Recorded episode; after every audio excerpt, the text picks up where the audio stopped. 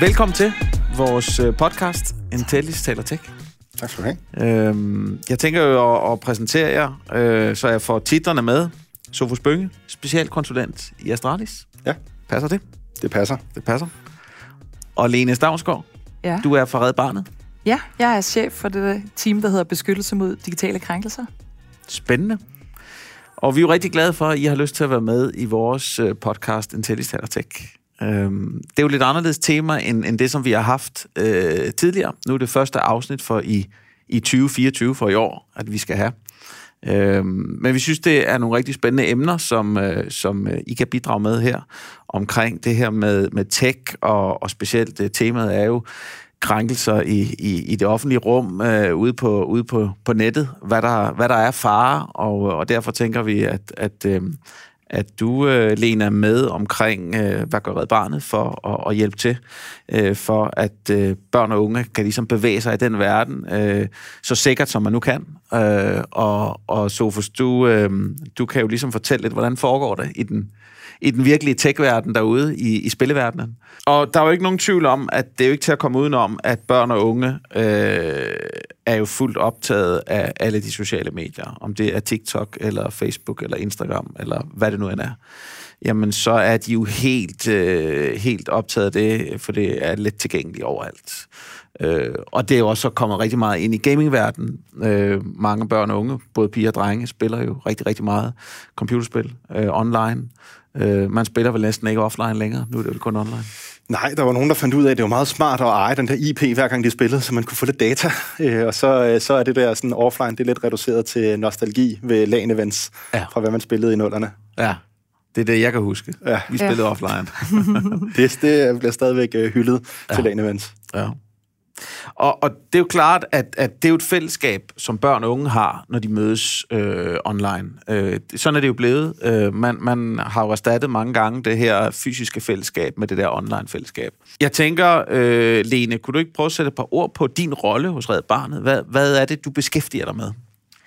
Jo, altså jeg er også chef for Beskyttelse mod digitale krænkelser, mm. som er et øh, team i Red Barnet, der blandt andet har det, der hedder sletterådgivningen. Mm. Vi laver også andet end sletterådgivningen, jeg skal nok også komme lidt ind på det, men i det hele taget så har Red Barnet jo et ret stort digitalt fokus, præcis som du siger, så er det jo sådan, at en stor del af børn og unges sociale liv er jo også suppleret med det digitale. Mm. Øh, det er jo ikke erstattet med det digitale, selvom nogle gange kan man godt se de store alarmklokker ringe, fordi at voksne er meget bekymrede, selvfølgelig både de ting, der kan ske digitalt, men også bare generelt for, hvor meget børn er på skærm og alt det her. Og hvis vi nu, som du også selv siger, ser lidt bort fra det, så er det jo bare et faktum, at de fleste børn og unge har enten deres eget device eller adgang til devices, også selvom at de ikke måske har deres egen mobiltelefon, så har nogle af deres venner det. Og en stor del af deres øh, sociale liv er online. Og derfor arbejder Red Barnet både med beskyttelse af børn i forhold til, øh, når det værste ligesom kan ske, som der jo også er en del af den digitale virkelighed, men også det her med, hvordan skal man så som forældre øh, støtte, hjælpe, guide sit barn til at få nogle gode fællesskaber online også, og ikke blive ramt af for eksempel digitale øh, krænkelser. Mm. Og den anden del handler jo så også om det her, man vil kalde digital dannelse. Så vi har jo masser af arbejde i Red Barnet. Vi har det, der hedder Genvej sammen med Forbrugerrådet Tænk og Børns øh, Vilkår og øh, Center for Digital Pædagogik. Og, altså, vi har masser af samarbejder hele vejen over, hvor vi laver noget til forældre, vi laver noget til det, der kommer til formentlig til at hedde noget andet, men lige nu hedder det Danmarks Digitale Dansesmål. Så DDD. Og, øh, og der, der arbejder vi rigtig meget med digital danser, sådan ligesom principper for, hvad er det, man som fagperson og elev og alle de her ting skal kunne inden for den her verden. Så det er sådan den korteste version af, hvad vi laver, men vi laver rigtig mange ting på det her område. Det var ikke så kort. Nej, det er det, jeg siger. Det var, Ja. det var øh, den Det var korte den version, som ikke er så kort. Ja. Ja, det er super. Og men spændende, og det skal vi snakke mere om, Lene. Sofus, kan du ikke prøve at sætte på ord på, på din baggrund og, og hvad det er, I gør? For du er ligesom den anden side, der hvor det er jo jer, der ligesom er en, er en del af spilverdenen, kan man sige. Jo, jamen, øh, jeg sidder over hos Astralis mm. med ansvar for de områder, vi kalder øh, øh, jobskabelse, mm. uddannelse og formidling, og så socialt ansvar. Mm. Så det er jo en, hvad kan man sige, en, en, en anerkendelse i huset af, at vi øh, på godt og ondt er blevet en kulturinstitution, både for de unge, men faktisk også for forældrene, fordi vi har vundet nogle af de største turneringer, der er, og mm. været inde på Rådhusets Hvidrøds Rådhuspandekager, og på den måde ligesom blevet, hvad kan man sige, kendt af herre fra Danmark. Mm. Og i det er der ligesom en masse øh, ansvar, der også følger med, og det er, det er meget det, vi sidder med. Øh, jeg har været med til at lave øh, DGI's træneruddannelse tilbage i 17, og har været rundt og uddannet 200-300 frivillige på den, men oplevet, at øh, en frivillig uddannelse, der endte med at være både lærer og pædagoger og privatpersoner og alle mulige andre. Så derfor så har jeg været meget optaget af, hvordan det er, vi kan bruge, hvad kan man sige, øh, Astralis stemme til at opkvalificere nogle af alle de voksne, der egentlig har et ønske om at være en aktiv rolle i børn og unges liv, men har rigtig svært ved at finde ud af, hvor de skal starte, og hvordan de skal finde ind. Og i det felt har vi ligesom bevæget os, og jeg har især bevæget mig hen mod at sige, hvad er det egentlig, vi gør? Øh, fordi en ting er det frivillige liv, men der er faktisk også et liv fra 8 til 16, som ligger uden for foreningsdriften, som ligger med lærere, pædagoger, øh, med forældre, der ligger med unge, der slår sig eller falder uden for systemet. Spændende. Sådan øh, e-sport på, på verdensplaner i Danmark, du var, lidt, øh, du var lidt inde på det. For, for dem, der ikke rigtig måske er helt med og, og, og sidder og ikke helt forstår alle de her, alle de her termer, vi snakker om, øh, og, og gaming er større og større, kan du ikke lige sådan forklare, hvad er e-sport helt konkret?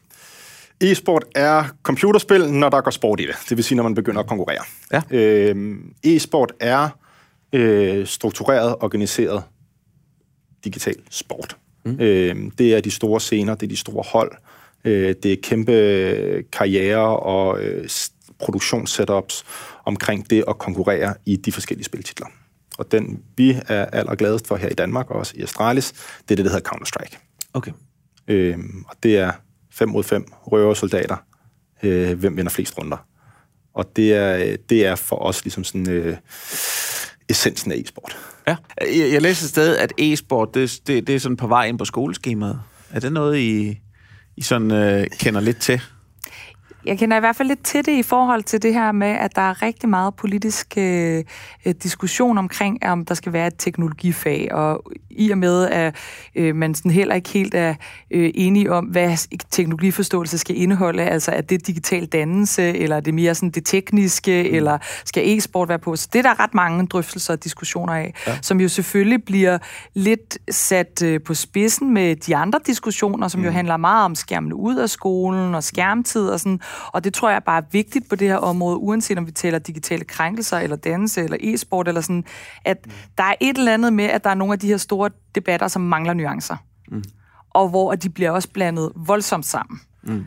Og det, det tror jeg, man skal være opmærksom på i forhold til, at hvis man gerne vil løse nogle problemer, så skal man også, altså så skal man for det første være enige om, hvad problemet er, og bagefter, hvad de rette løsninger er. Mm. Og det vil jeg sige, det, hele det digitale område, når man taler børn og unge, om det så er gaming eller sociale relationer, eller sådan, der er vi lidt bagud i forhold til, om vi taler om det samme. Ja, fuldstændig. Der er, altså sådan, sproget er, er en meget sjov størrelse. Hvis man lige sådan skal starte øh, et sted først, så øh, vi har lavet rigtig meget øh, med fritidsklubber og snakket meget med dem der, og det som det er især 4. 5. klasserne, ja. der gamer derude, men når man snakker med dem, så fortæller de faktisk, at for dem, der er e-sport, det er struktureret, det er voksent, det er professionelt, det er stift, det er ikke sjovt. Okay.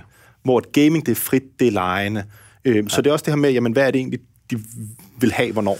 Vi kan ja. også se, at i Danmark, der er det mere end 80 procent af unge i folkeskolealderen, der spiller videospil minimum tre gange om ugen. Så der bliver altså gamet en masse. Mm. Øh, vi har også, øh, nu har jeg selv arbejdet rigtig meget med e-sport på skoleskemaet, har undervist i øh, fritidsklub, jeg har undervist i forening og på HF og på gymnasie, mm. og øh, der har været et rigtig, rigtig, rigtig spændende skift før, efter og under corona. Mm. Fordi før corona, der var der rigtig mange, blandt andet øh, efterskoler, der havde e-sport. Det var der, hvor man kom for at træne det, og det var alle, mm. der er et eller andet, som meldte sig ind på det. Der var rigtig mange øh, ungdomsuddannelser, der brugte e-sport, og det var øh, helt normale unge, der søgte hen mod dem. Mm. Øh, og de rapporterede højere på trivsel, og der var mindre frafald og alle mulige fede ting. Så kom corona. Mm. Og noget af det, som vi som samfund lærte i corona, det var at være digitale eller vi lærte i hvert fald, hvor mange ting vi kunne gøre digitalt. Og det vi kan se, øh, dengang corona øh, ramte landet, der sad jeg og var ansvarlig for øh, 50 timelønnede undervisere, der til daglig undervist 700 børn og unge, der kom til ugenlig træning i e-sport. Altså sådan to timer fuldstændig som at gå til fodbold. Mm. Øhm, og, og det vi kunne se med de her unge mennesker, øh, dem der var ude i skolerne, det, det var, at i løbet af corona, der blev de så dygtige til at være digitale, at de blev selvorganiserede. Mm. Så, så, så snart, at man kan organisere sig, altså det vil sige et eller andet sted i 7., 8., og 9. klasse, jamen så begyndte de at gøre det øh, på eget initiativ. De begyndte at gøre det asynkron fra resten af deres ellers lokalmiljø, eller skole, eller fysiske venner. Mm. Øh, så de havde ikke samme behov for at gå på e-sportlinjerne. Så det vi kan se, det er, at, at i 2020, 2021, 2022, der begynder der at ske et skift, hvor at en højere, øh, hvis man kalder densitet af dem, der søger mod e-sport på skoleskemaet, det er faktisk unge med ondt i livet. Mm. Vi kan også se... Øh, altså som en del af den her specialundervisning? Ja, blandt andet, men faktisk også mm. fordi, øh, det er noget af det, som e-sport kan. Når vi snakker e-sport, det er også vigtigt lige at nævne, at det er hold. Det er, når man spiller sammen. Så ja. individspil betragte, kan godt betragtes som en e-sport, hvis noget, hvor du konkurrerer på at være den hurtigste til Mario i verden, og så konkurrerer man dermed også i andre, men vi arbejder i Astralis kun med holdspil. Det vi kan se, holdspillene også bliver brugt til, det er, at det er sociale relationer. Vi kan se især drenge, øh, drenge spiller i langt højere grad end piger holdspil, og drengene, de bruger det som en måde at være en, hvad kan man sige, hvis de har det svært, så hægter de sig på i udkanten af fællesskabet. Mm. Det vil sige, at hvis der kan være noget, der gør ondt. Det kan være diagnoser, det kan være hårde perioder i familien, det kan være det ene og det andet. Så kan de hægte sig på online gennem deres digitale gaming-baserede fællesskaber. Og så når de har overskud til det, så kan de skrive med de andre, så kan de måske spille. Nogle gange kan de måske endda unmute og snakke. Mm. Så når de på et eller andet tidspunkt er klar til at vende tilbage til det fysiske, så har de faktisk en, et eller andet sted en, en krog at hænge deres hat på. Mm. Øh, og der kan vi se, at blandt andet i en kommune som Hvidovre, der før corona, der var skoleværing, det var 70 procent drenge. Efter corona, der er skoleværing 70 procent piger. Mm. Så, så vi kan se, at, at især drengene, som spiller holdbaseret spil, som spiller ikke nødvendigvis e-sport, men, men gamer socialt mm. sammen, der er faktisk en masse værdier og kompetencer, som ligger i det. Og vi kan også se en masse af dem, som kan have det svært, som kan have brug for specialtilbud, de bruger det også som en måde, at de faktisk føler sig øh, på lige fod med nogle af dem, som de ellers ikke øh, føler sig øh, ja, man føler sig som en del af, af gruppen, ja. selvom man har nogle udfordringer i livet, enten socialt eller, eller hvad det nu kunne være. Ikke? Lige præcis. Og nu nævner du øh, specialundervisning. Der er der også øh, på Aalborg Universitet, der sidder Torkel Hanghøj, er i gang med et rigtig fedt og spændende projekt, mm. specifikt om STU. Øh, nogle af de her mange undervisere, øh, jeg tidligere havde ansvar for, de kørte også, der kørte vi forløb for alle mulige forskellige specialskoler i øh, København og egentlig også i hele landet. Men vi havde, vi havde et sted, hvor at de unge var så hårdt ramt, at vi var nødt til at komme ud til dem. Øh, og en af dem øh, ville faktisk, altså det, det var en, en fysisk kamp at få ham i bad. Og så er der en, øh, en dag, hvor vores træner siger sådan lidt henkastet, Nå ja, øh, så skal du også huske lige at komme hjem og i bad, sådan, så du kan være lækker til, at vi skal spille Counter-Strike i morgen. Og det var første gang, øh, her, den her unge mand, han gik hjem og sagde, mor, jeg vil gerne i bad. Og han prøvede simpelthen fuldstændig grædende sammen mm. over, at, at endelig var det ham, der ville. Og det virker simpelthen så banalt, men for ham, så var det der med ligesom at skulle gøre sig lækker for at spille, sidde og spille Counter-Strike, mm. den kobling var der for ham. Mm. Øh, og, og det er jo sådan nogle af de der steder, hvor vi virkelig kan se, at det kan rykke sindssygt meget, ja, ja. og det kan udligne nogle af de der skæld, der ellers er. Mm. Øh, så, så især specialområder er et af de områder, hvor vi kan se, at det bliver brugt helt vildt meget til, mm. at børn, der ikke har været til prøver, ikke har tur gå til eksamen, ikke har øh, haft nogle sociale relationer, mm. at de bare øh, blomstrer på en, ja. en helt fuldstændig uhørt måde. Ja. Hvad, øh. hvad tænker du lige, når du hører det? Jamen, jeg tænker, at øh, det er jo virkelig positivt, og det er jo også det, man skal huske. Vi lavede sidste år i Red Barnet en undersøgelse, af, som selvfølgelig igen havde fokus på sit digitale krænkelser, men for eksempel på specialområdet, så øh, børn og unge med diagnoser. Og der er, der er faktisk en, en, en tendens, altså vi har ikke lavet en repræsentativ undersøgelse, men der er en, der er en tendens i den undersøgelse, en meget tydelig tendens til, at øh, hvis du har ADHD, eller øh, er på autismespektret, eller har andre øh, kognitive funktionsnedsættelser, så er du mere udsat for mm. øh, digitale krænkelser. Mm. Og så kan man jo sige, altså, og det er jo også helt over i den grove ende, altså både for selvfølgelig hadetale og ubehagelige oplevelser, men også grooming og, og nogle af de mere alvorlige ting, der kan ske på nettet. Og det hypotesen kunne være, det er jo også, at det er helt sikkert også børn og unge, som bruger, altså som er meget mere afhængige af det digitale liv. Fordi det er måske der, hvor at de kan øh, have nogle positive oplevelser, øh, komme i kontakt med andre. Og det er også derfor, vi ser, at øh, når vi ser på specialområdet, at der er mange, som slet ikke tør at fortælle, hverken forældre eller pædagoger på bosteder, hvad der foregår. Fordi de er så bare, selvom at der er noget, der sker, der er så ubehageligt for dem, mm, mm. så opvejer de positive ting mm. øh, så meget de, de ubehagelige oplevelser, de kunne have, og de er ekstremt bange for, at øh, hvilke konsekvenser det kan have, hvis voksne for eksempel tager de muligheder fra dem. Så det er noget, der er vigtigt at have fokus på. Mm. Og det er jo der, hvor nuancerne også er vigtige, fordi at vi skal jo hjælpe de her børn og unge. Børn og unge har jo også ret til at have et digitalt liv. Mm. Øh, og børn og unge har ret til at være beskyttet når de har et socialt digitalt liv eller gamer. Og altså, nu sidder jeg og tænker, når du også fortæller, som det er jo rigtig dejligt også at tale om de positive ting, men nogle af de negative ting med for eksempel gamingfællesskaber, især hvis der er nogen, der er mere udsatte, det er jo også, at der også kan ske nogle af de her spiraler. Yes. Øh, altså noget, hvor man ser noget i forhold til, at de her fællesskaber også nogle gange kan være radikaliserende, eller få en flyttet andre steder hen på internettet, end der, hvor det startede. Og det er også noget, der virkelig er vigtigt at have fokus på. Og, og lige præcis den der del er noget af det, som vi er øh, allermest optaget af i hvad kan man sige, det arbejde, vi sidder og laver i vores afdeling over Vestalis. Det er jo, at vi kan se, at øh, dem, de unge møder på internet, det er fuldstændig tilfældigt og ugennemsigtigt, hvis ikke det har en eller anden form for forankring i mm. lokalmiljøer, eller sådan, du kalder det nationale lokalmiljøer, mm. hvor vi på en eller anden måde er med til at sikre, at der er nogle ordentlige rammer. Men det vi kan se, øh, det er, at, at mange af de unge, de gider ikke snakke med de voksne omkring det mere. Allerede i 2019, der havde været der undersøgelser for børns vilkår, hvor at, øh, det var 4. og 7. klasse, der blev spurgt, hvem er interesseret i at snakke med dig om, hvad du laver på internettet? Mm. Og der var lige omkring halvdelen, der sagde, at forældre, dem de, boede, de voksne, de boede med, var interesseret. Mm. Men lærer, pædagoger, SSP og sådan noget, der var det fuldstændig bund. Bagefter så blev de spurgt, hvem kunne du egentlig tænke dig at snakke mere med om, hvad du laver på internettet? Og der var det over 80 procent, der svarede, ved ikke eller gider ikke. Og springet fra 4. til 7. klasse på, jeg gider ikke snakke med dem. Det steg derfra, jeg tror, det var 35 procent til 44 eller sådan noget. Så, så der er også sådan en, at, at vi har oplevet sådan en stor afmagt i, at de voksne lytter alligevel ikke, så, så hvorfor, why, why bother? Ja. Øhm, I meget af det arbejde, vi har lavet, især omkring øh, piger, der har været udsatte eller oplevet ubehageligheder, det, de gider simpelthen ikke engang rapportere det, fordi why bother? Det er simpelthen så øh, blevet så integreret en del, og de forventer simpelthen ikke længere, at de voksne øh, hjælper.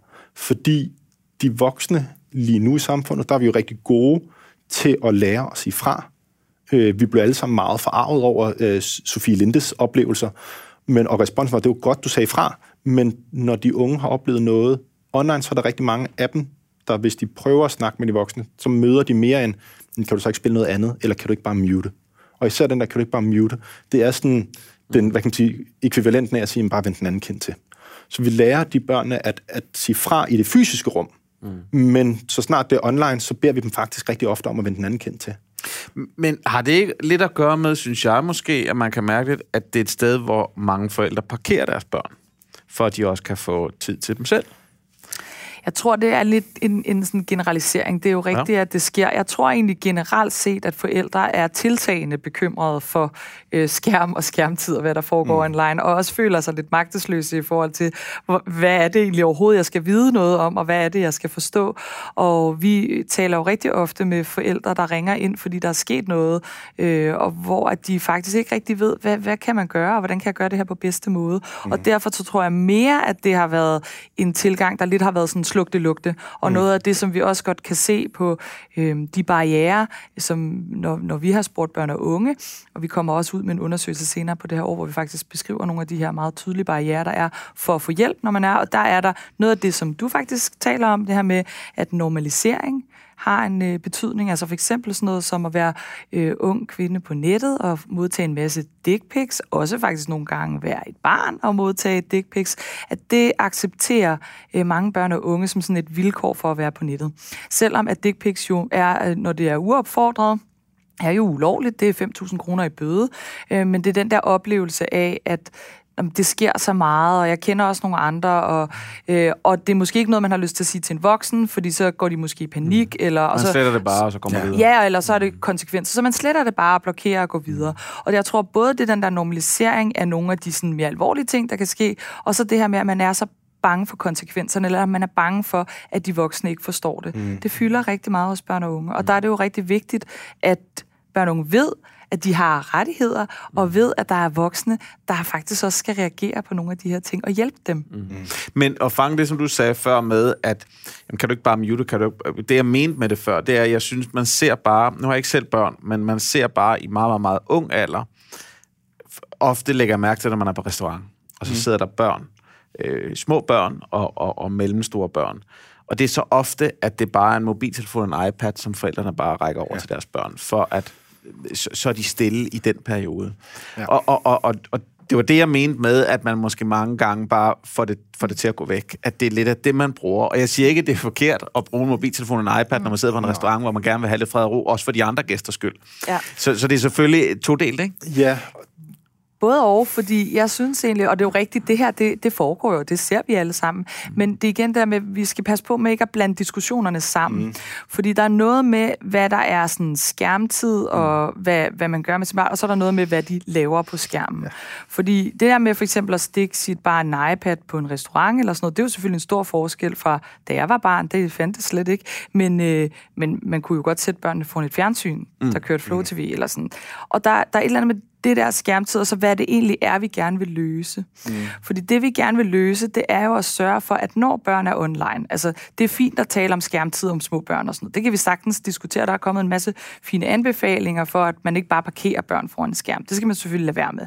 Men man skal også interessere sig for, hvad det er, de laver, når de er på skærmen. Ja. Og den anden del er så endnu vigtigere, at vi sørger for, at, øh, at, at, altså, at internettet er sikkert. Det er jo det, vi skal. Vi skal sørge for, at børn og unge er beskyttet ved at sige, når vi har en legeplads udenfor, så har vi tusindvis af regler i Danmark, før man overhovedet må sætte en gynge op, eller en rusjebane, eller sådan. Mm, mm. Og det skal der selvfølgelig også være på internettet. Mm. Altså, vi sørger for, at de steder, hvor børn og unge er, der skal børn både have lov til at være, altså, de har nogle rettigheder. Vi kan ikke bare slukke unges mm. digitale liv, og det er også en utopi, men vi skal også sørge for, at der er sikkert. Ja, og, og i det ligger der jo en sindssygt svær opgave, fordi vi de sidste øh, 30 år, der har vi et eller andet sted haft sådan en, en fortælling om, jamen øh, husk nu, når du er på nettet, så ved du ikke, hvem der er på den anden side. Mm. Fordi husk nu, når du er på nettet, så er der fri leg, for de ved ikke, det er dig. Mm. Øh, vi kan også se, øh, at allerede fra børnehavealderen, så når børnene kommer hjem og har lavet en tegning, et fysisk produkt, jamen så siger vi, ej, hvor flot, jeg kan se, du prøver at holde dig inden for stregerne, jeg kan se, du øver dig. Men når de, når de sidder og er blevet, nu kalder vi det parkeret, eller med en digital sut, når de rækker hånden ud, og siger, vil du ikke lige se den her, eller vil du ikke lige se den her YouTube med mig, eller prøv lige at se det her, så er det ofte, de bliver mødt med, ikke lige nu, eller jeg skal lige, eller mm. jeg skal lige lave mad. Så, så børnene lærer bare meget, meget hurtigt, at... Øh, det er deres eget univers. Ja, at, at mm. det er forældrene egentlig ikke interesseret i. Vi vil gerne ruste for det fysiske, men ikke det digitale. Mm. Og der er sådan et ordsprog, jeg har stødt på, sådan en gammel der hedder, øh, øksen glemmer, men træet husker. Mm. Og det er jo det her med, at når en økse har væltet træ, så kan træet altså ikke rejse sig igen. Hvis en kvist er blevet hugget af, så kan du ikke bare sætte den på igen. Og øksen gør, der sker jo ligesom ikke noget med den. Og det er de her små, uskyldige økseslag hele tiden, hvor vi bare har lært et eller andet sted fra barns ben, at den digitale verden er vi ikke lige så interesseret i som den fysiske. Mm. Og det, når vi snakker med forældre, så skal vi mærke, at det ved forældrene faktisk godt, og de har sindssygt dårlig samvittighed over det. Men det, de fortæller, det er, at de føler et eller andet sted, at de står for foden af Mount Everest og fået at vide, at de skal klatre derop. Og de har ikke noget udstyr med, de har ikke nogen Sherpa til at vise dem, hvilken vej, de har ikke nogen guide, og de har heller ikke selv bedt om at klatre op på det der træ. Mm. Og, og det er vildt angstprovokerende. Og det gør, at det netop bliver den der slugte i stedet for. Det, der til med er, det er rigtig mange forældre, de spørger jo i deres vennegrupper, hvem har en eller anden viden om det her, hvem kender et eller andet til det, og rigtig ofte er der en, øh, nu kalder den en, en spilkyndig eller en digital dannet forældre, som siger, jamen hjemme ved os, der har vi de der regler, de der regler, de der regler. Mm. Og konklusionen for forældrene er så rigtig ofte, det er, for pokker var det farligt, siden de har alle de der regler. Mm. Så, så derfor så bliver det ligesom endnu mere overbeskyttende. Og det svarer lidt til, at du møder op på fodboldbanen med dit barn, og så ser du på en fodboldkamp, og lige pludselig er der en dommer, der fløjter og så vender du om og går med dit barn. Fordi de skal ikke gå et sted, hvor der er nødvendigt, at der er en dommer, der fløjter, hvis der er frispark. Der skal ikke, altså, det må være så farligt med det fodbold. Mm, ja. Hvis de takler hinanden så meget, at der er en dommer til at styre det, aldrig i livet. Jeg har faktisk også rigtig ofte brugt den der analogi, ikke? med at hvis man får et øh, blåt mærke øh, til fodbold, så er det jo ikke sådan, at når du kommer hjem, så siger dine forældre, nu må du ikke gå til fodbold mere. Nej. Så er det slut. Det var for farligt, det der. Ja. Det, det skal vi ikke have mere af. Og det, det er jo lige præcis det, der er, altså vi bliver nødt til at finde de der rigtig gode veje, hvor vi heller ikke altså, udskammer forældrene, fordi der er også rigtig meget sådan, og så skal vi også huske, at uanset hvor meget fokus der er på forældre, så er der mm. også stadig børn og unge, blandt andet nogle af dem, du taler om, som måske ikke har altså hvor det er nogle andre voksne, der er omkring ja. dem, og måske ikke har forældre, der har overskud eller ressourcer til at være den, der kommer og stiller de gode spørgsmål, og hvad for nogle øh, videoer ser du på YouTube og sådan noget. Men ellers er det jo det, der er de gode råd til forældre, det er at engagere dig i din børns digitale liv på samme måde, som du vil gøre i alt andet. Men, men har det at gøre med, undskyld, Sofus, men det bare, har det at gøre med, at forældre vågner for sent. At de vågner først op, når det er, at det bliver rigtig alvorligt. Øh, at man tænker, nå jo, men det er jo bare en computer. Jeg, jeg tror simpelthen, det, det vi skal huske, det er det, vi kalder usynlig viden. Det er alle de ting, vi har lært og nu har automatiseret. Mm. Øh, I princippet, så det digitale, og begynde at forstå det digitale, det er ligesom vi har lært at skrive. Du har først skulle kende alfabetet, så har du skulle finde ud af bogstavslydene, så skulle du finde ud af, hvordan du sætter dem sammen, skriver ord, og så skal du gå fra at kunne læse øh, Lotte og Totte, til du kan skrive essays om, hvordan øh, Dickens han påvirkede dansk arbejderlitteratur, Georg Brandes og sådan noget. Der er en enorm lang udvikling, og den forståelsesramme, de voksne er vokset op med, er en fysisk forståelsesramme. Den, de børn er vokset op med, er en ligestillet fysisk og digital. Så, så det der med at forvente, at forældrene kan træde ind på det, overhovedet ikke. Det er på ingen måde realistisk, og det er ekstremt angstprovokerende forældrene, for forældrene. Men det her med at finde ud af, hvordan er det, man faktisk kan stille viden til rådighed? Hvordan er det, man kan være støttepersoner? øh, for sådan nogle ting, som virker helt, helt banale. Jeg havde en, øh, en mor, der skrev og spurgte, hey, øh, vi har nogle ukrainske flygtninge, øh, eller en 17-årig ukrainsk flygtning, som vi huser. Øh, han vil gerne gå til nede e-sport. Kan man det på Amager? Så skrev vi e-sport, Amager, og så var der en forening, og så ja, her. Men bare det der med at gå på Google og så se og søge på de to ord, du faktisk, der er relevante, det var allerede der, var det en for svær opgave. Så, så det her med at finde ud af, hvordan er det, vi øh, et eller andet sted stiller os skulder om skulder med den her forældre, der står foran Mount Everest, og så siger, prøv at høre, vi behøver slet ikke gå på Mount Everest endnu. Vi kan starte med en stille og rolig tur nede ved Svanninge Bakker, og det er slet ikke lige så farligt, og vi skal nok gå med dig dernede. Der har vi foreningerne, der har vi nogle øh, digitale skoler, vi har nogle rettighedsskoler, vi har nogle øh, fritidsklubber, hvor at, at vi også stille og roligt bliver bedre til at klæde pædagogerne på. Så det er også sådan et, det her med, at vi begynder at få etableret et støttenetværk for forældrene, fordi de vil gerne, men lige nu er opgaven simpelthen fuldstændig urimelig for dem. Og det er en meget sådan konkret opgave, vi skal finde ud af, hvordan er det, vi gør det. Men, men, men Lene, øh, når I får henvendelser fra forældre, ja. eller, eller, eller børn og unge, er, er, det, er det forebyggende øh, eller er det, når skaden er sket? Det er oftest, når skaden er sket. Okay. Og man, der kan man sige, at vi har jo også en specialiseret rådgivning. Vi kan jo rådgive om alt, og man må også godt ringe ind til os, hvis man er i tvivl om et eller andet, eller man ikke rigtig ved, hvad det er, man har mm. oplevet. Og sådan. Men oftest er det jo, når skaden er sket. Mm. Og det betyder jo også, at det er nogen, der har brug for meget konkret hjælp øh, og rådgivning og psykologisk førstehjælp også ofte.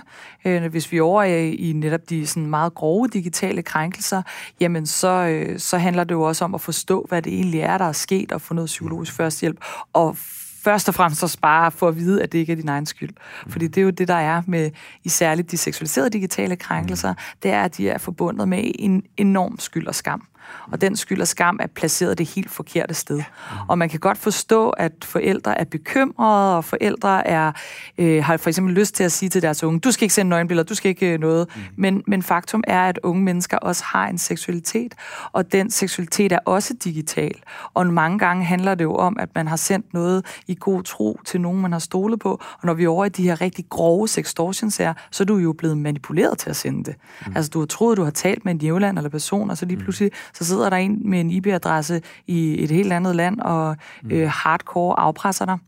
Og så er du jo magtesløs og bange, og du ved ikke, hvad der sker, og du tror, du er den eneste i verden.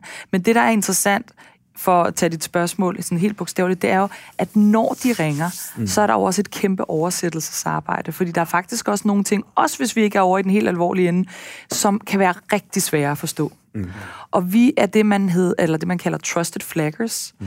Eller hvis vi skal lave det et rigtig sjovt dansk ord, så er vi pålidelige indberettere. ja. Øh, og, øh, og det er jo egentlig, betyder, at vi har en direkte linje ind til de store tech-virksomheder, mm. hvor vi kan få fjernet ulovligt materiale. Og det er jo rigtig vigtigt i forhold til at beskytte børn og unge. Mm. Hvis der ligger øh, intim materiale eller overgrebsmateriale af børn, så får vi fjernet. Vi har i øvrigt også en tjeneste, der hedder anmeldte, som specifikt er, man kan indberette, eller man kan anmelde må jeg bare lige spørge, ja. hvor hurtigt sker det?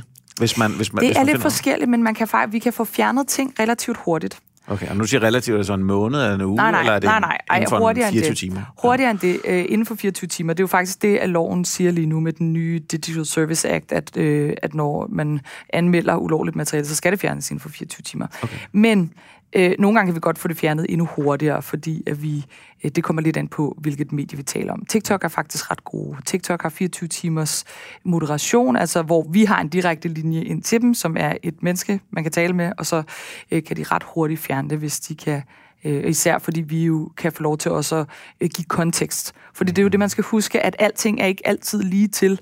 Fordi for eksempel sådan noget som mobning, der kan det godt være noget, der skal have kontekst, altså hvor det ikke er noget seksualiseret øh, eller intime billeder, eller sådan, men hvor at de skal have forklaret konteksten for at forstå, hvorfor at det her det er chikanerende og skal fjernes. Ikke? Mm. Øh, men mange gange er det jo det her med at forstå, det digitale liv er jo på mange måder også kompliceret, fordi det er nogle andre slags referencer, end dem mm. forældrene kender. Det er, nogle, det er et helt andet begrebsverden. Øh, du kan også sagtens være for eksempel på internettet og google, uden at du kan skrive. Fordi mm. du kan bruge, du kan tale til en, mm. en computer i dag og diktere. Altså, der er mange ting, som, som er helt anderledes, og på den måde så er der også en stor... Jeg føler tit, at det, jeg kan kæmpe imod i det her sådan, formidlingsarbejde, det er, at der mangler sådan en kæmpe bunke af helt grundoplysning mm. for at forstå, hvad er det, børn og unge laver på nettet? Hvad er det, og hvor er det, vi kan hjælpe, og hvor er det, vi kan være den der gode støtteperson, uanset om vi er forældre eller farpersoner eller omkring børn og unge på den ene eller anden måde, mm. sådan at børn og unge tør at fortælle os, når de oplever noget, og vi kan have en et dialog omkring det, hvor det ikke yderligere udskammer dem mm. eller gør dem bange for konsekvenser. Vi, øh, vi sidder også lige nu meget aktuelt i et projekt, med, øh, som er støttet af Ligestillingsministeriet, deres øh, alliancen mod seksuel chikane. Og det kører vi sammen med Center for Digital Pædagogik og Institut for Menneskerettigheder.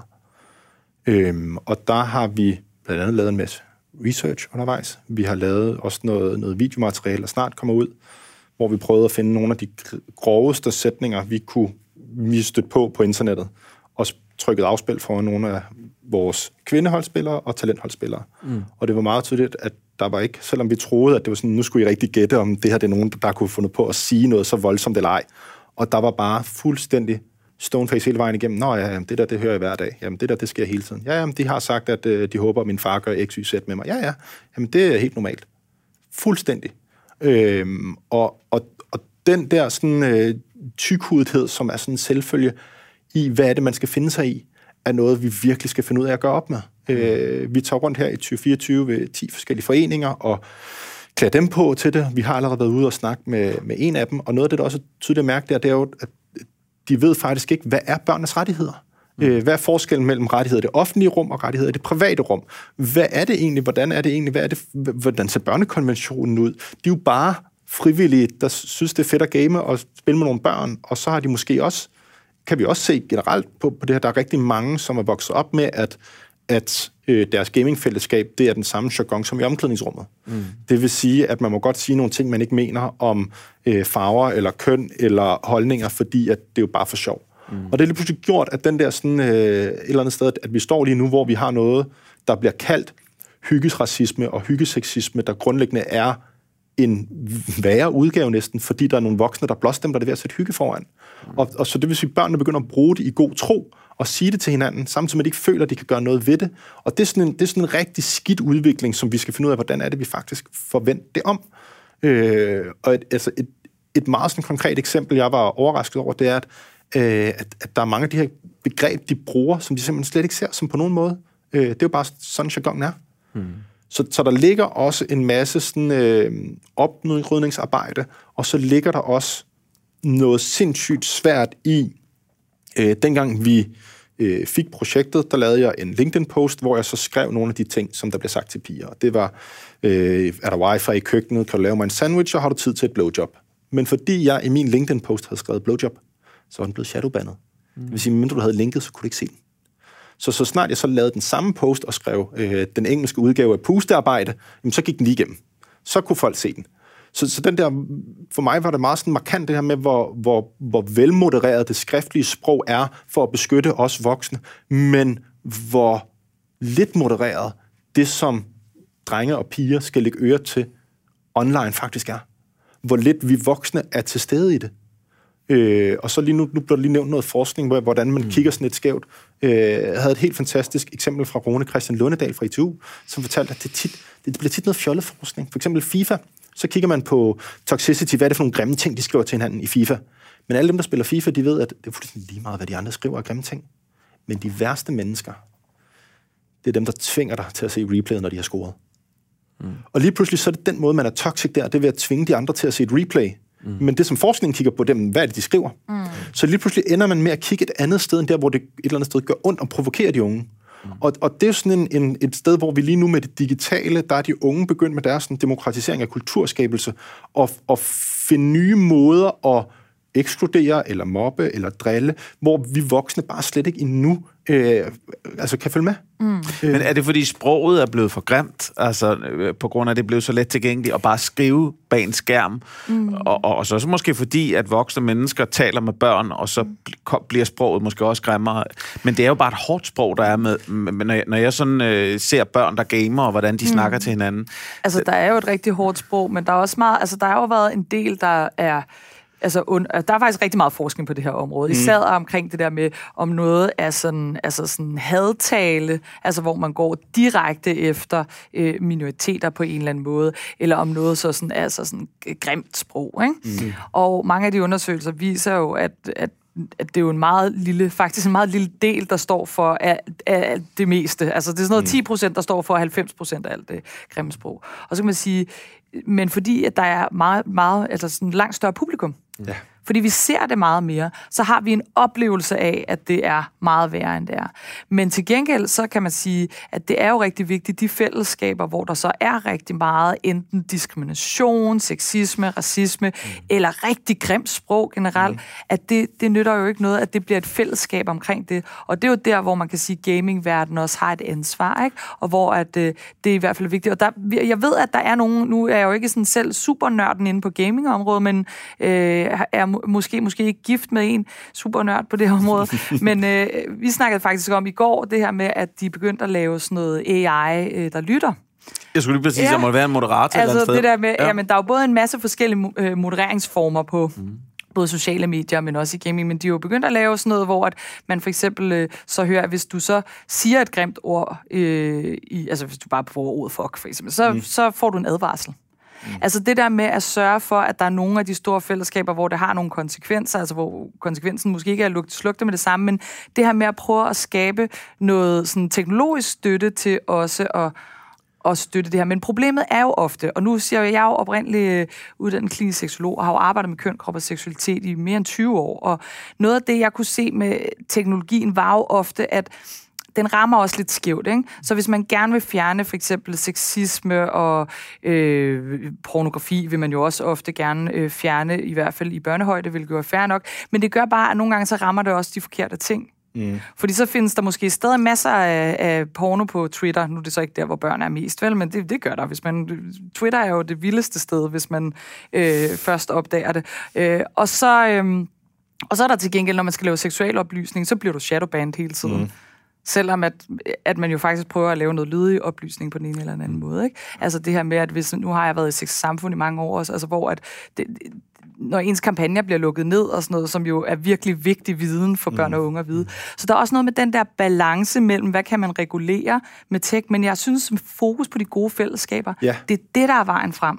Ja, fordi det er den ting, jeg sidder og tænker meget, det er, at, at som det er lige nu, så det her med at være grænseoverskridende, det der med at være sådan en eller anden tomme tønder larmer mest, at der er rigtig mange, som skaber sig og får opmærksomhed, og får kliks, og får views, og på den måde faktisk sidder og altså tjener penge på, at, at de får opmærksomhed, de får dataen, de kan få sponsorater ind, og de her sponsorater eller partnerskaber er ikke nødvendigvis gode nok til at sige det i, hvad er det egentlig for en opførsel, der ligger her hvor at, at det med at være et eller andet, så nu kalder det det, det er sådan politisk korrekt, eller ordentlighed, det bliver bare ikke øh, aflønnet på samme måde i det digitale rum.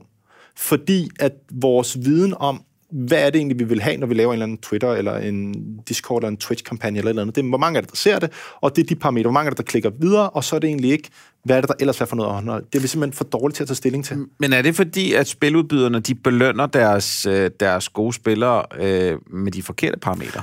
Jeg tror ikke, det har faktisk ikke nødvendigvis så meget med spiludviklerne at gøre. Nej. Det, det, det jeg tænker på, det er, at man bliver belønnet for, hvor mange mål man scorer i FIFA. Man kunne også blive belønnet for, øh, hvilken, hvilken fairplay-spiller man er. Det er jo det samme i den fysiske fodbold. Altså, der, det er jo blevet, det, man slår rigtig hårdt ned på, hvis du laver nogle grimme ting i fodbold. Ja. Det er jo ikke længere, at du bliver øh, lukket for to kampe, men det, vi snakker lige pludselig økonomiske konsekvenser. Vi snakker, at du kan blive, øh, du kan blive øh, sat på bænken i måske både 6 og 12 måneder osv. osv. Altså, så det er jo ret hårde konsekvenser. Hvorfor begynder man ikke at indføre det i spil og sige, hvis du gør nogle ting, jamen, øh, det... eller på den anden måde, du kan blive belønnet, hvis det er, at du er en, en god spiller, og dermed på den måde opnå den popularitet, du gerne vil, som måske man ser også, mm. da måske vi gik i skole, dem, der var de mest øh, cool, det var dem, der, der, der, der turde gøre nogle ting på det niveau, som vi nu havde, mm. da vi var i, i, det var ikke det var ikke et dysmønstret i klassen, der var den, der havde stjernerne på skulderen, fordi det var bare ikke det, der gav opmærksomhed. Nej, og altså, øh, man kan helt sikkert lave nogle andre restriktioner, men problemet er faktisk, hvordan alle dem udenom i resten af samfundet bruger det digitale, eller er til stede på det digitale, eller ikke er. Mm. Så det er også sådan det der med at finde ud af, jamen, hvad er det faktisk, hvad er det for en type Øh, jeg tror grundlæggende bare, at, at vi skal være bedre til at hylde de positive fællesskaber. Mm. Vi skal være bedre til faktisk at snakke om alle de steder, hvor det bliver gjort rigtig godt, i stedet for det, som fylder i medierne lige nu. Det er, ej, nu er der sket det her dårligt, nu er der sket det her dårligt, nu er der sket det her dårligt. Når vi snakker med forældre, så sidder de fuldstændig skræmt fra vid og sans. Så den her sådan skræmmeteknik, der er omkring, uh, hvor det farligt på det digitale, det, det sælger alt for mange øh, kliks på, på DR og på TV2 og på Ekstrabladet, hvor det ellers er. Mm. Vi skal simpelthen også være bedre til at snakke om alle de steder, hvor der faktisk er nogle skide skidefede, hvor der faktisk er nogle rigtig positive ting. Så, så vi som, det handler i langt højere grad om, hvordan vi som samfund skal være bedre til at hylde de gode, mm. end at blive skræmt af historier. Eller måske handler det mere om, at den der de oplevelser, som børn og unge har, alle de positive oplevelser, de mm. positive mm. fællesskaber, og så alt det grimme, der også kan ske, og alt det, der er rigtig ubehageligt. Altså, der bliver nødt til at være mere bro mellem de to ting, mm. altså, fordi det er jo ikke to separate virkeligheder. Mm. Og derfor så er det rigtig vigtigt, at der både er netop, jeg tror, det er det, jeg snakker om, det der bjerg af oplysning, vi ligesom mangler mm. for at komme op til par, til at have den meningsfulde samtale om løsninger her. Fordi jeg synes jo egentlig, det er en meget god idé, det her med, at det er jo fedt, hvis man kunne blive belønnet belønnet for at være den gode holdkammerat, eller den, øh, men det er måske heller ikke inde i det sådan mere organiserede gaming-miljø, der er det værste sted. Det er måske mere på en mm. altså, uh, Twitch Live, eller en, altså der er noget med det, og så apropos det der med moderation, der er jo flere og flere øh, steder, hvor at man jo selv vælger sin egen moderator, og det kan jo være rigtig fint, men det kan også være lidt et problem, fordi nogle gange er det jo så moderator, der kender den person, som de modererer for. Det vil sige, at så, kan, så, så bliver rollen en lidt anden. Så bliver rollen jo at skulle beskytte den person, men måske ikke beskytte andre mod, hvad den person så sidder og mm. siger, gør, handler øh, på, på internettet. Men der, der er helt sikkert et eller andet med at den her bygge en bro mellem at forståelsen, hvad det, altså at for det første, at den digitale virkelighed er virkelig, og den er lige så virkelig, og de ting, der sker, ja. øh, kan have lige så store konsekvenser på godt og ondt. Altså, er, der, er der noget statistik mellem øh, de her krænkelser af børn og unge, at, at det er børn og unge, der, der måske øh, har det lidt svært af den ene eller anden grund øh, i, i, i livet, eller er det simpelthen helt random? Øh, det, det er næsten ligegyldigt, hvordan de blev klædt på. Altså, det, det var der, hvor vi kunne se fra den her algoritmer, data, demokrati, øh, børns og unges liv, at der er øh, en højere hyppighed af dem, som rapporterer lav trivsel, mm. der bliver udsat for de her ting, end dem, der rapporterer høj trivsel. Så der er sårbarheden flytter med. Mm. Og man ved meget lidt faktisk om, kan man sige, krænkerperspektivet. Ikke? Og nu er det lidt øh, måske stort at sige krænker, når det er det jo over den grå ende, men hvis vi nu snakker mobning og grim ja, ja, tale og alt det her. Ikke? Men, ja, jo, jo. men vi ved faktisk meget lidt omkring, hvem det er, der sidder og, og gør de her ting øh, sådan på den, vi man ved lidt rundt omkring, men, men der er ikke sådan rigtig et, øh, et godt billede af. Og det er, jo, det er jo fordi, det også handler om kultur, og derfor handler det om kulturforandringer i det digitale rum, lige så vel som vi ser kulturforandring. Nu nævner du selv Sofie Linde, ikke? men mm. de her, den MeToo-bølgen kom jo faktisk i 2017, og der skete ikke særlig meget i 2017. Men så sker der alligevel noget i Danmark, fordi det, der sker, det er, at vi begynder at diskutere, om vi skal have en samtykkebaseret voldtægtslovgivning. Mm.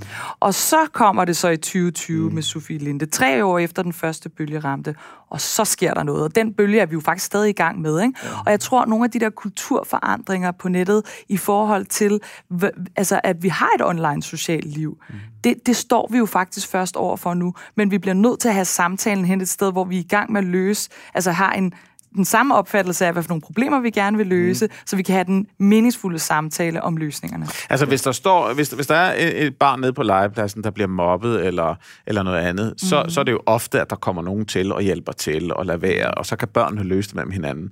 Men, men på nettet er, der, er man jo lidt alene. Og derfor er det svært, mm. fordi der ikke er andre, der hører det. Mm. Der er svært for andre at komme til og hjælpe, med mm. mindre at den, der bliver mobbet eller udsat for en krænkelse, siger det ja. højt. Mm. Og, og jeg tror, fra, fra mit og vores perspektiv, så er, det, så er det lidt hoved på sømmet. Fordi det, vi kan se i den samme rapport der, det er jo, at når man spørger de unge, så føler det, det er deres ansvar. I mm. højere grad, end det er krænkeren, eller det er mm. platformen, mm. eller det er forældrene. Ja. Børnene føler faktisk, de står alene med ansvaret. Mm. Det er også vildt. Vi har Generation Z, er jo den øh, generation, der er vokset op og fået at vide, I har en aktiv rolle i familiedemokratiet. Jeres stemme er vigtig. I har medbestemmelse. Og alligevel så er det den, altså, har vi aldrig haft en generation, der føler sig mindre hørt. Nu der var der undersøgelser fra menneskerettigheder UNICEF, der kom her i efteråret, der viste, at fra 2021 til 2023, altså på kun to år, der var der sket øh, et fald i 6. til 10. klasser, der oplevede, at de voksne lytter til elevrådet. Det var faldet fra 42 til 35 procent. Og børn i 6. til 10. der føler, at de voksne aldrig lytter. Det var steget fra 7 til 12 procent på to år. Mm. Så, så vi har en generation, der har fået at vide, at vi lytter, eller, øh, øh, øh, at I har en aktiv stemme, og vi skal lytte til jer, og vi har bare aldrig haft nogen, der har følt mere ansvar, følt mere på deres egne skuldre, og følt mindre lydhørhed fra de voksne. Så det er også sådan en, altså, så den tror jeg, jeg tror, det er den problematik, vi er nødt til at gå ind og arbejde med først. Det er, hvordan får vi vendt det her, så børnene faktisk begynder at, at, at hvad kan man sige, genfinde troen på, at de voksne faktisk kan hjælpe med noget, mm. når det er digitalt. Mm. Altså kernen af Red Barnets arbejde er jo, at vi altid har børneinddragelse med. At det er sådan ligesom en forudsætning for overhovedet at lave det, vi laver, når vi arbejder med børns rettigheder. Og så det, jeg synes, det er så vigtigt en pointe, du har. Vi, altså sådan, så I mit team, der starter vi et ret stort projekt op i år med sammen med Trykfonden, der hedder Digital Førstehjælp, som egentlig handler om at prøve at lave noget systemisk forandring ude i kommunerne. Altså sådan, at man ligesom sørger for, at der er øh, beredskabsplaner, at der er uddannet, det kunne være en SSP, og det kunne være lærer, øh, som er, er uddannet inden for, hvad gør man så, når mm. skaden er sket? Altså, hvordan håndterer man digitale krænkelser? Øh, fordi det er rigtig vigtigt, at det kan vi ikke gøre selv, det kan man ikke gøre med en rådgivning. Det kan man ikke. Vi ved, at der er rigtig mange børn og unge, som mangler støtte, hjælp og rådgivning, når det her sker, fordi de står med det alene. Mm. Men derfor kan vi jo stadig godt håbe på, at vi kan være med til at pusse på nogle øh, kulturelle forandringer, også i det digitale rum. Altså, at der er flere, der reagerer med bystander. At børn og unge bliver klædt på, sådan at de altså netop ved, at det ikke er deres skyld. Jeg plejer altid at sige det her med, sextortion kan ikke lade sig gøre. Man kan ikke presse mennesker til at gøre, øh, og, altså gøre ting ved sig selv, eller sende mere intimt materiale, eller sende penge til afpresser, hvis det var sådan, at man godt vidste, at det ikke var en selv, der gjorde noget forkert. Mm. Så kunne den første afpresser jo bare komme til en og sige, jeg deler dit nøgenbillede, og så kunne du sige, det kan du bare gøre mester, fordi det er dig, der mærker konsekvenserne. Altså, jeg ved godt, mm. det er en utopisk verden lige nu, mm, ikke? Mm. men det er da der, vi skal hen. Vi skal derhen, hvor det slet ikke er muligt at tro eller afpresse eller på nogen måde udnytte børn og unge på nettet, fordi alle bare godt ved, hvor ansvaret ligger. Mm. Også selvom det er svært, også selvom børn og unge stadig vil være blufærdige, og man har ikke mm. lyst til, at ens mor og far skal se et... Øhm, altså intim billede af en selv, eller sådan. Men vi skal sørge for, at de våben, som især nogle af de groveste ting, der sker på nettet, de skal tages væk fra de mennesker, der bruger dem. Og det samme, at hvis man har rigtig grov hadtale på nettet, hvis mm. så alle andre kommer og siger, altså, hvorfor snakker du sådan der? Ja. Sådan snakker vi sgu ikke her. Eller sådan, altså det der med at begynde at få nogle af de der bystanders, ad, altså bystanderadfærd, som du netop beskriver på legepladsen, mm. øh, desværre tror jeg heller ikke, vi er helt der endnu, ja. men, øh, men, men det er jo det, vi også skal have ind i det digitale rum. Mm. Og forstå, at det er et socialt rum. Så kan man også sige, at det der bare de sidste 10 år, der er jo sket en, en kolossal udvikling inden for inden for øh, bare udbredelsen af internettet, og udbredelsen af hurtigere og hurtigere gamingcomputere, og, og skal være med på det seneste. Og nu er vi i, i den vestlige del af verden, der er vi ret rige, så vi kan give vores børn de her ting. Mm. Øh, I andre lande, bare sådan kort tids øh, flyvetur herfra, har de ikke de samme muligheder. De kan ikke sidde med lige så hurtige computer, eller de har ikke en, en fiberforbindelse øh, ind i lejlighedskomplekset, eller ind i huset, for der er ikke råd til når vi bare lige taler måske halvanden times flyvetur herned, øh, herfra. Påvirker det, at, at altså, hvis man kigger på den her øh, sådan, sådan europæisk set, har det, har det med det at gøre, at sige, hvorfor det ikke er så måske lige så udbredt, og jeg ved ikke, om det er det, øh, andre lande, hvor de ikke har den samme øh, velstand inden for, inden for øh, IT? Altså, Altså økonomisk afpresning er jo særligt udbredt i de nordiske lande, fordi det er der, ja. at unge har penge til at kunne betale. Så det er jo meget systematisk og ja. afhængigt af, at vi... Men, men jeg tænker, der er mange af de andre ting, vi også sådan generelt ser på internettet, fordi internettet jo ikke stopper ved et lands grænse. Nej. Så. Og, og der ligger en ting, som det jeg, jeg bliver altid bange for at åbne den her op, for det er sådan lidt Pandoras æske. Mm. Men øh, i Danmark har vi jo været et af de lande, der har aller, været aller, allerbedst til at tage det digitale til os. Det vil sige at lade os digitalisere. Mm. Øh, Helt sikkert. Både i det offentlige og det private. Men vi er samtidig et af de lande i Europa, der er ringest til at forholde sig til at være digitale. Mm. Okay. Øh, hvis vi ser på sådan en stor rapport fra 2021 fra EU, så er Danmark sammen med Albanien de to eneste lande i Europa, der ikke har IT-uddannelse eller IT-education som en del, som fast i folkeskolen. Danmark og Albanien. Hvad Alle andre det? har. Jamen, det er, øh, der er rigt, sikkert rigtig mange gode grunde til, men det, som vi oplever, øh, og det er baseret på for nylig nogle, øh, blandt andet PhD'er fra DPU osv., det er, at i Danmark har vi over de sidste 10 år set, at der er kommet øh, 29 procent flere opgaver til lærerne og 19 procent færre øh, faguddannede lærere. Så, så derfor har vi fundet de her smarte digitale løsninger for at effektivisere det. Mm. Og lige pludselig så har vi taget det digitale til os rigtig mange steder for at lave nogle smarte, automatiserede løsninger, men vi har faktisk været rigtig dårlige til at forholde os til, hvordan er vi selv i det. Og jeg tror også, det er derfor, den sådan, politiske diskurs vil lige sådan trække i bremsen og sige, hov, er der et eller andet, der er gået for hurtigt her? Mm. Fordi hvordan er det, vi er digitale væsener? Hvordan er det, vi bruger det? Og, og der er der nogle ting, som, som vi endnu ikke har fået afklaret. Og det er sådan en, en ret svær ting. Nu er der hvad kan man sige, teknologiforståelse, der digital dannelse. Der er sådan nogle af alle de her, øh, hvad kan man sige, noget af det her efterslæb i at finde ud af, hvordan er det, hvad er det, vi egentlig har haft på for nogle skyklapper for at automatisere og effektivisere. Og det er noget af det, vi kan se, vi slås rigtig meget med. Fordi når vi er ude og snakke med lærere og ude og snakke med pædagoger, så kan de ikke, altså de er ved at brække sig over IT. De er ved at brække sig over nye IT-systemer, og så snart man siger, at børnene er på Discord, så siger de, åh, endnu en platform, det kan vi ikke, vi kan ikke mere, så skal jeg have flere timer. Øhm, og så, så det er sådan, vi kan virkelig mærke, at der er sådan en, en mæthed som, hvor der er resultatet, det er ofte, at, at i stedet for at man sætter sig ind i det og sidder ved siden af barnet og ser YouTube, så bliver det det der, som du beskriver, at så får de den lige i stedet for. Og det er sådan en, det, det er en hårdknude, sådan en, en kronisk knude, vi er nødt til at finde ud af, hvordan får vi løsnet op for det. Men, men hvis du nu siger, Lena, at, at, det, at, at det viser bare statistikken, at det er børn og unge, der, der, øh, der måske har nogle øh, på en eller anden måde nogle, nogle problemer i livet? Eller, ikke nødvendigvis kun. Ikke altså, nej, altså i nej. 2021, der lavede vi jo sådan en repræsentativ undersøgelse mm. af, af, af bredt unge børn og unge set. Og der er det jo, at 42 procent har oplevet noget ubehageligt på nettet. Ja. Og det er jo selvfølgelig alt fra hadtale til altså, certificerede ja, ja. digitale krænkelser.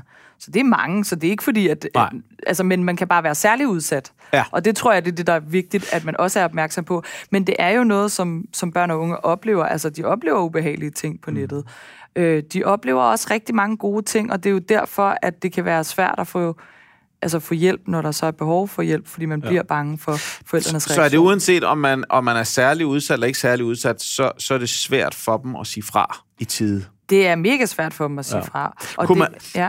Fordi så tænker jeg på en ting, vi snakker meget om det her med overvågning og samfundet, og du snakker om AI, der kan gå ind og, og, og vurdere, om man siger noget grimt. Hør om du siger fuck. præcis, præcis. Men, men men jeg tænker, kunne det være en, en idé, at man laver en digital hjælper, som både barnet og den voksne er med til at bestemme, skal mit barn have en digital hjælper med sig, så det bliver frivillig overvågning. I stedet for, at børnene skal mm. føle, eller de unge skal føle, at de spiller, nu bliver jeg overvåget. Men at man selv har valgt og sagt, jeg har nogle gange brug for at sige fra, men jeg kan ikke gøre det selv. Jeg vil mm. gerne have en hjælper med mig. Jeg tror i langt højere grad, at man skal sørge for, at der er en tillidsfuld dialog fra starten af. Ja. Og man sørger for, at man interesserer sig for deres digitale liv lige så meget som deres fysiske liv. Ja. Og så det her med at prøve... Man kan jo godt lave en form for kontrakt med sit barn eller sådan noget, men så handler det jo om, at man for eksempel hjælper dem med at sige, øh, jeg synes, øh, jeg kan godt blive bekymret for, at du taler med fremmede på nettet, men jeg ved godt, at det er jo en del af at være på internettet, så kan vi snakke lidt om, hvem det er, du snakker med, og sådan, også selvom det er nogen, du ikke kender. Altså, men den der åbne, tillidsfulde mm. dialog, som ikke handler om forbud, men hvor man sådan sammen sætter nogle rammer, for jeg tror, at fællesskabet i det, du foreslår, den er god. Mm. Men det der med fællesskabet med sådan at, at have en digital, det, det tror jeg ikke så meget på. Jeg tror mere på, at vi skal have en tillidsfuld dialog med vores børn. Dernæst så skal vi prøve at sætte nogle rammer. Vi har for eksempel på Slette en hel masse guides, både til, hvordan man kan få slettet ting, og selv, mm. altså hvordan man anmelder ting, men mm. faktisk også, hvordan man kan lave privatlivsindstillinger på forskellige ting. Så man får snakket med sit barn om privatlivsindstillinger, og hvordan kan man gøre det her, hvordan kan du sikre dig her, og kan vi have en snak om, hvem du taler med på nettet. Og husk, at du ved, jeg er altid på din side. Mm. Så hvis du oplever noget ubehageligt, så er jeg der for dig. Det, tilbage dengang corona land, øh, lukkede landet ned, der havde vi de der 700 unge mennesker, der var vant til at komme fysisk i vores centre og spille og se deres venner. De blev nødt til at blive sendt hjem, og så fik de noget online, og det gik fint, og det fungerede med Discord, og heldigvis, sådan er man jo, når man er digital. Men så skrev vi rundt til dem efter tre måneder og sagde, hey, vi savner at se jer. Vi tænker også, I savner at mødes fysisk, men vil ikke lige prøve at skrive, hvad, hvad savner I egentlig mest? Og der er nogen, der savner det ikke lagget. Nogen, der savner, der var hjælp. Nogen, der savnede at se det til deres venner. Nogen, der savnede, at forældrene ikke forstyrrede. Mm. Og på trods af alle de der, så en af de aller, aller øverste svar, der var fra dem, det var, at de savnede, der stod en voksen bag dem. Mm. Det der med at kunne vende sig om og sige, åh, så du det? Ja, det gjorde jeg. Det var faktisk det, som de savnede aller, allermest. Og det er jo netop det her, som den tillidsfulde relation, den der, det der med, at man interesserer sig for det. Og det er jo det, der er det skide svære, fordi når man så snakker med forældrene, så siger de, jeg synes bare ikke, Fortnite er særlig spændende. Mm.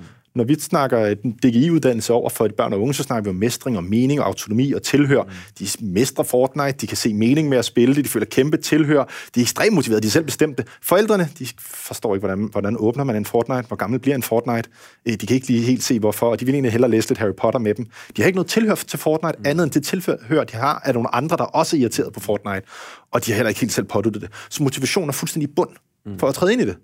Men, men og der tænker jeg på, altså da, da jeg var barn, der var det jo Lego, ikke?